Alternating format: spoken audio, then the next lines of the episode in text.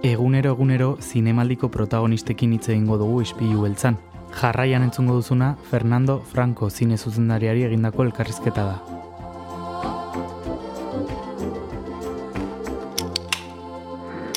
Creo mucho en el cine como un vehículo también para, para plantear cosas que luego de alguna manera forman parte del imaginario colectivo de la gente, ¿no? Por el hecho de verlo en una pantalla.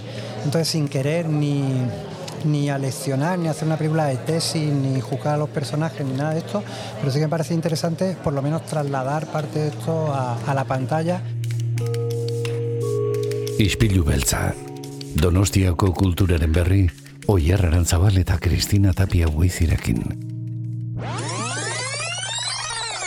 Hemen gaude entzule Donostia Kultura Irratian kursalean jarraitzen dugu eta gaur sail ofizialean lehiatuko den pelikula baten inguruan arituko gara.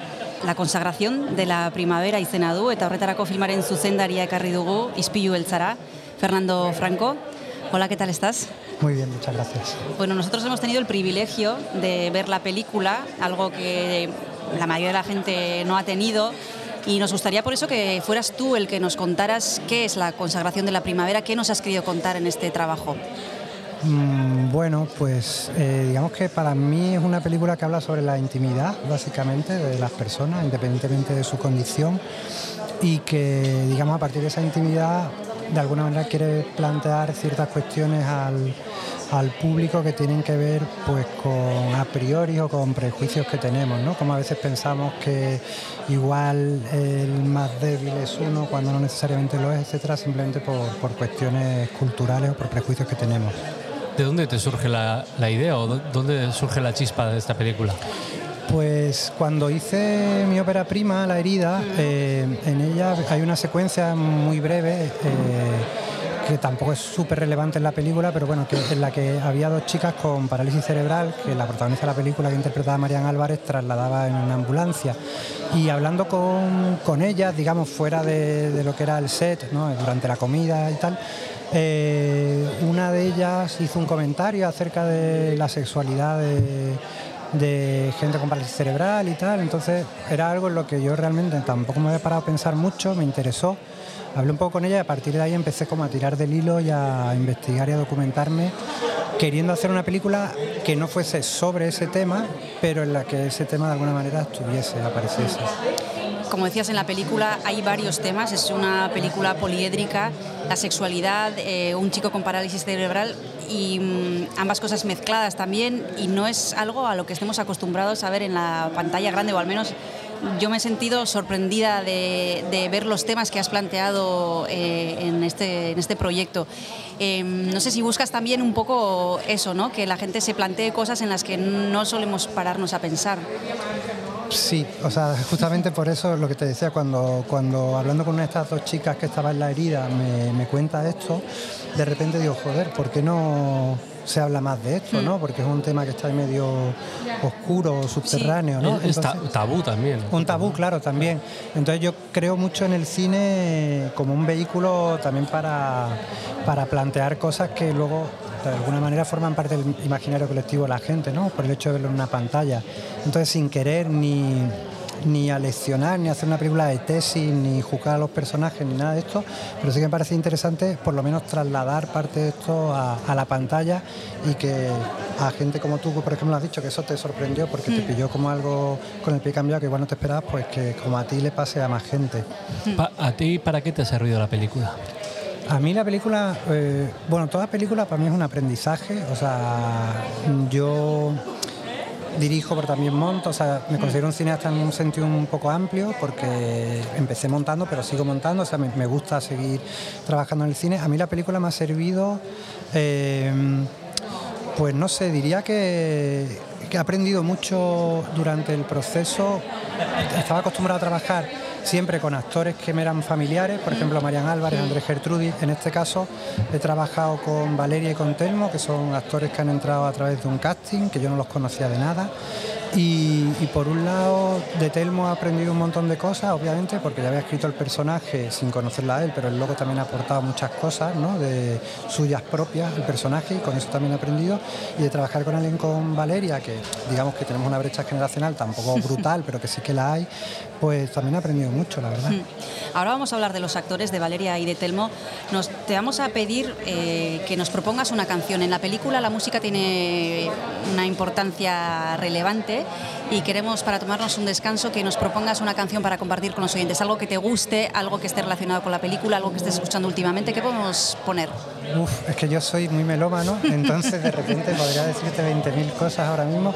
Una canción que pueda estar conectada con la película. Pues mira, en la película hay una canción que suena que me parece que, que está muy bien, que es de Holy Go Lightly.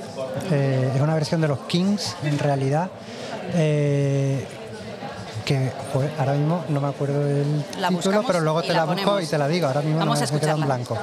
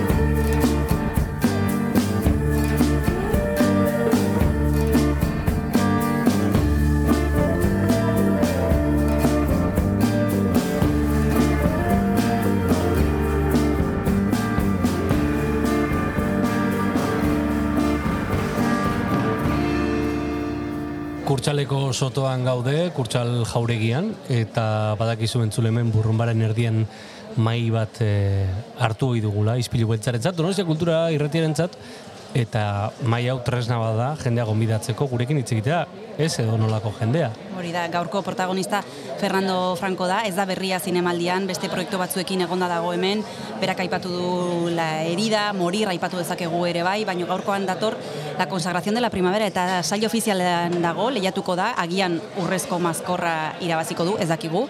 Em, ¿Ha habido algún nudo en esta película, algo que te ha resultado difícil de resolver, algún reto que mm, se te haya antojado complicado? Bueno, a ver, cada día de rodaje es un reto en sí mismo, ¿no? O sea, nunca sabes por dónde van a salir las cosas, pero en ese sentido ha ido todo bastante bien. Lo que sí que tenía todo el rato como una espada de Damocles encima era el COVID, en realidad, porque somos una película eh, de un presupuesto, digamos, modesto, cine independiente, y, y claro, si por ejemplo Valeria eh, hubiese contraído COVID, eh, están todos los planos de la película. O sea, no podemos decir rodamos otra cosa, rodamos los insertos, rodamos lo del otro personaje, no tendríamos nada, ¿no? Y también si yo lo hubiese pillado hubiese sido bastante complicado. Entonces, esa sensación de cada vez que nos hacíamos los test, la verdad es que era bastante, eso, una espada de Damocles, pero bueno, por suerte la hemos podido salvar. Un- Uno de los retos, hablando de retos de los directores, eh, suele ser la dirección de actores Sí. eh, o actrices. Sí. Eh, cómo llevar a, a- a los actores a la historia que tú ya tienes en mente ¿no? y eso cómo puede incluso cambiar la, la misma. Yo, eh, Bueno, para mí los actores son fundamentales eh, porque mis películas son muy de punto de vista y está todo volcado sobre, sobre los personajes. De manera que si los actores no funcionan, la peli no va a funcionar de ninguna manera por bien escrita o filmada que esté. ¿no? Para mí lo más importante es que, que ellos sean buenos y estén bien. Decía Fernando Fernán Gómez que, que a los buenos actores no se los dirige, se los elige. ¿no? Entonces, que- y yo creo que eh, hay gran parte de verdad en eso. ¿no? Yo he tenido la suerte de encontrar a, a- a Valeria Telmo, como os decía, en un proceso de, de casting hecho con Arancha, la directora de casting. Eh, ha ido muy bien y luego a partir de ahí yo siempre he entendido el guion como el guion literario que yo les paso a ellos como algo completamente abierto. Y em- A partir de ahí empezamos a ensayar y empezamos a modificar, a cambiar cosas. Os decía antes que ha habido cuestiones de la propia vida de, Valer- de, de Valerio, iba a decir, de, de Telmo, que se han incluido en la peli. Ha habido cosas que hablando con Valeria han surgido y se han incorporado en la peli. O sea, el, el guion está como un, continuo, un proceso con- un continuo de reformulación en base siempre a los personajes. En este caso, los personajes están encarnados por, hemos dicho Valeria y Telmo todo el tiempo, vamos a decir sus apellidos. Sí. Valeria Sorolla y Telmo Irureta. Y también hay un tercer personaje importante que está interpretado por Emma Suárez. Sí. Eh, entre los tres eh, levantan la película, la sostienen y bueno, eh, se crea ahí un vínculo muy especial, ¿no? Que como decías, tú tampoco les conocías a ellos, ellos tampoco se conocen entre sí, pero bueno, surge la magia y parece que de toda la vida. Sí, bueno, el personaje de Emma eh, justamente sí estaba escrito para Emma, o sea, cuando, cuando estaba escribiendo el guion estaba pensando en ella y ya alguna vez que me encontré con ella se lo dije. Y, mm, y en el caso de, de Telmo y de Valeria era muy importante que los dos funcionasen y también que funcionasen juntos. Entonces, cuando estábamos haciendo el casting, eh, yo por un lado veía a Valeria, y, o sea, por un lado veía a Valeria y a otras chicas, y a Telmo y a otros chicos, pero cuando ya más o menos tenía claro que ellos dos iban a ser, hicimos una prueba con los dos juntos, porque para mí era importante no solo que sus cualidades interpretativas fuesen, sino que hubiese química. Claro. O sea, que, que hubiese química entre ellos dos, porque el personaje de Valeria, que se llama Laura en la película, tiene que desplegar un arco eh, más o menos grande que acaba justamente con esa química entre ellos. Y, y bueno, cuando hicimos la prueba vi que sí, que, que- que eso por lo menos a mí me funcionaba bastante bien. Y, y de, de ahí entiendo que luego cuando se ve la película pues, pues, se vea ¿no? Esa- ese triángulo que funciona bien. ¿no? Fernando, te voy a pedir la segunda canción. Eh, Vamos a tomarnos otro descanso. ¿Qué podemos escuchar ahora? Pues mm, alguna canción de Maita Roita Jauregui, Ah, mira. el Morsego, eh, la cumbia villera Ah, de nos Morsego. encanta esa canción. Venga. Venga, vamos a poner a Morsego.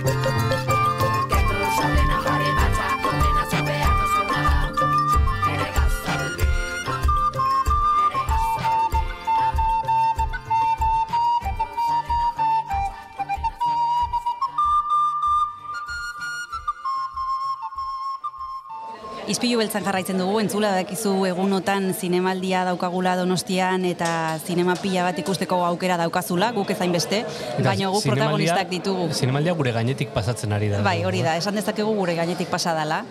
E, guk protagonistak ditugu eta protagonistak elkarrizketatzen ditugu eta gaurkoan Fernando Franco daukagu. La consagración de la primavera pelikularetin dator, saio ofizialean lehiatuko da, agian irabazle suertatuko da, ez dakit ez da berria zinemaldian, esperientzia dauka. No eres nuevo en el festival, Fernando. No. Eh, ya has venido con otros proyectos, te hemos disfrutado con La herida, con Morir, por ejemplo. Eh, ¿Cómo se encara mm, volver a San Sebastián con otro trabajo cuando ya tienes experiencia con otros proyectos? Eh, ¿Cómo vives ya como experto, podríamos decir, este festival otra vez? Pues suena tópico, pero con mucha alegría y mucha ilusión porque bueno, es un festival que a mí me ha dado mucha alegría. O sea, yo empecé con La herida en mi primera peli aquí en el festival, la verdad es que pasó muy bien y eso me ha ayudado mucho a poder seguir haciendo pelis. Entonces, volver, volver a San Sebastián pues siempre es como un- una alegría, ¿no? El público de aquí también está muy bien, ¿no? Digamos que es un público con el que te paras, charlas con él por la calle, es una cosa muy cercana y la verdad es que muy a gusto. ¿Te ves levantando la concha de oro? No necesariamente. ¿Alguna, te habrás visto en un, en un- Eh. fragmento, en una... La verdad es que, o sea, y te soy sincero, yo siempre soy de- del no va a pasar nada Ya. y luego si Mejor, pasa es mejor. es mejor, es como para arriba todo que, que lo contrario. Mm. Aquí hemos hablado con, con varios directores y siempre eh, nos dicen que para ellos este proceso o esta parte del proceso es como el final, ¿no? O, o- o- o- o, bueno, se encara un poco el final, eh, sin embargo para los espectadores es el principio. Eh, no sé si ya estás con ganas de soltarla y de recibir las opiniones de, de la gente, si estás con esos miedos barra nervio de qué va a pasar o al contrario con ganas. Sí, o sea, yo este momento lo siento un poco como cortar el cordón umbilical que te une a la peli, ¿no? Y de repente ya ella echa a andar sola. Y quitarte el peso también, porque... Qui- Quitarte el peso, eh, pero bueno, luego viene otro peso, no lo vamos a negar, que es, bueno, cómo la va a recibir la gente, ¿no? Porque partiendo de la base que no hay ninguna película que le guste a todo el mundo, o sea, que no existe, pero sí que quieres que, bueno, que a, a la gente en general le guste, ¿no? O le interese por lo menos, o le haga pensar, ¿no? Entonces, bueno, pues ahora estamos en, en ese punto en el que la película va a echar a andar ella solita y a ver, a ver qué tal recepción tiene y, y a ver si todo el cariño y el mismo que le hemos puesto en hacerla, pues luego eso se traduce en que a la peli Bueno, a la nosotros hemos gente le interese. con gente que ya la ha visto Sí. y de momento te podemos decir que la opinión es muy positiva. Sí, Vale, pues Pero agradezco. hemos, ¿con cuántos hemos hablado? ¿Que la han visto? ¿Tres, cuatro? con tres, cuatro, Venga, sí. eso te podemos adelantar. Pues así relajo un poco. Gracias. Fernando, eh, no sé si tienes en mente ver alguna película, si tendrás tiempo, si te has planteado ir al cine. Si eres espectador también. Eh, soy muy espectador, de hecho veo muchísimo cine, pero aquí en el festival imposible porque estoy dos días y tengo, y tengo una agenda de estas imposibles, ¿no? O sea, no puedo ver nada. Eh, he venido con mi chica, con mi pareja y ella es la que va a aprovechar para ver todas las pelis Bueno. que no puedo ver yo. Y a ti te las va a contar. Sí, a mí me las va a contar. He visto películas, ¿eh? he visto películas de las que están en la sección oficial, pero aquí no voy a poder ver nada. Para terminar, vamos a preguntar a Fernando Franco cómo ha sido eh, este tercer proyecto eh, para ti, si ha sido más difícil, menos difícil. Hay gente que suele hablarnos de la segunda película como la más complicada, algo- otros que de la primera. Hmm. Yo lo de la segunda película como la más complicada, creo que, que estoy bastante de acuerdo. ya mi segunda película que fue Morir y creo que es la que he vivido como más complicada, tanto durante, o sea, nada traumático, ¿no? Pero sí que fue la más complicada. Yo creo que en la primera eres más inconsciente, la segunda ya eres más consciente de todo y igual por eso un poco complicada. Y en esta tercera la verdad es que una vez que aparecieron los dos protagonistas, Telmo y Valeria, Valeria Sorolla y Telmo Irureta, eh, ya estaba como bastante tranquilo, porque ya decía, vale, creo que ellos van a funcionar bien y si ellos funcionan bien, ya a partir de ahí podemos trabajar el guion y todo esto, pero, pero el gran temor que tenía yo con esta peli era que no apareciesen ¿no? Los, los dos protas. ¿Y qué tienes entre manos ahora? Porque supongo que mientras hablamos habrá otra, otra idea. Surcando... Sí, estamos ahí con un proyecto a priori para rodar, no dentro de demasiado, porque bueno, por primera vez en mi vida se han alinea- alineado todos los astros y, y está la película como financiada, o bastante financiada relativamente rápido, entonces esperamos que igual el año que viene a finales poder estar rodando de vuelta, ojalá. Bueno, ojalá la Pero- podamos ver aquí. Eso es. Ojalá.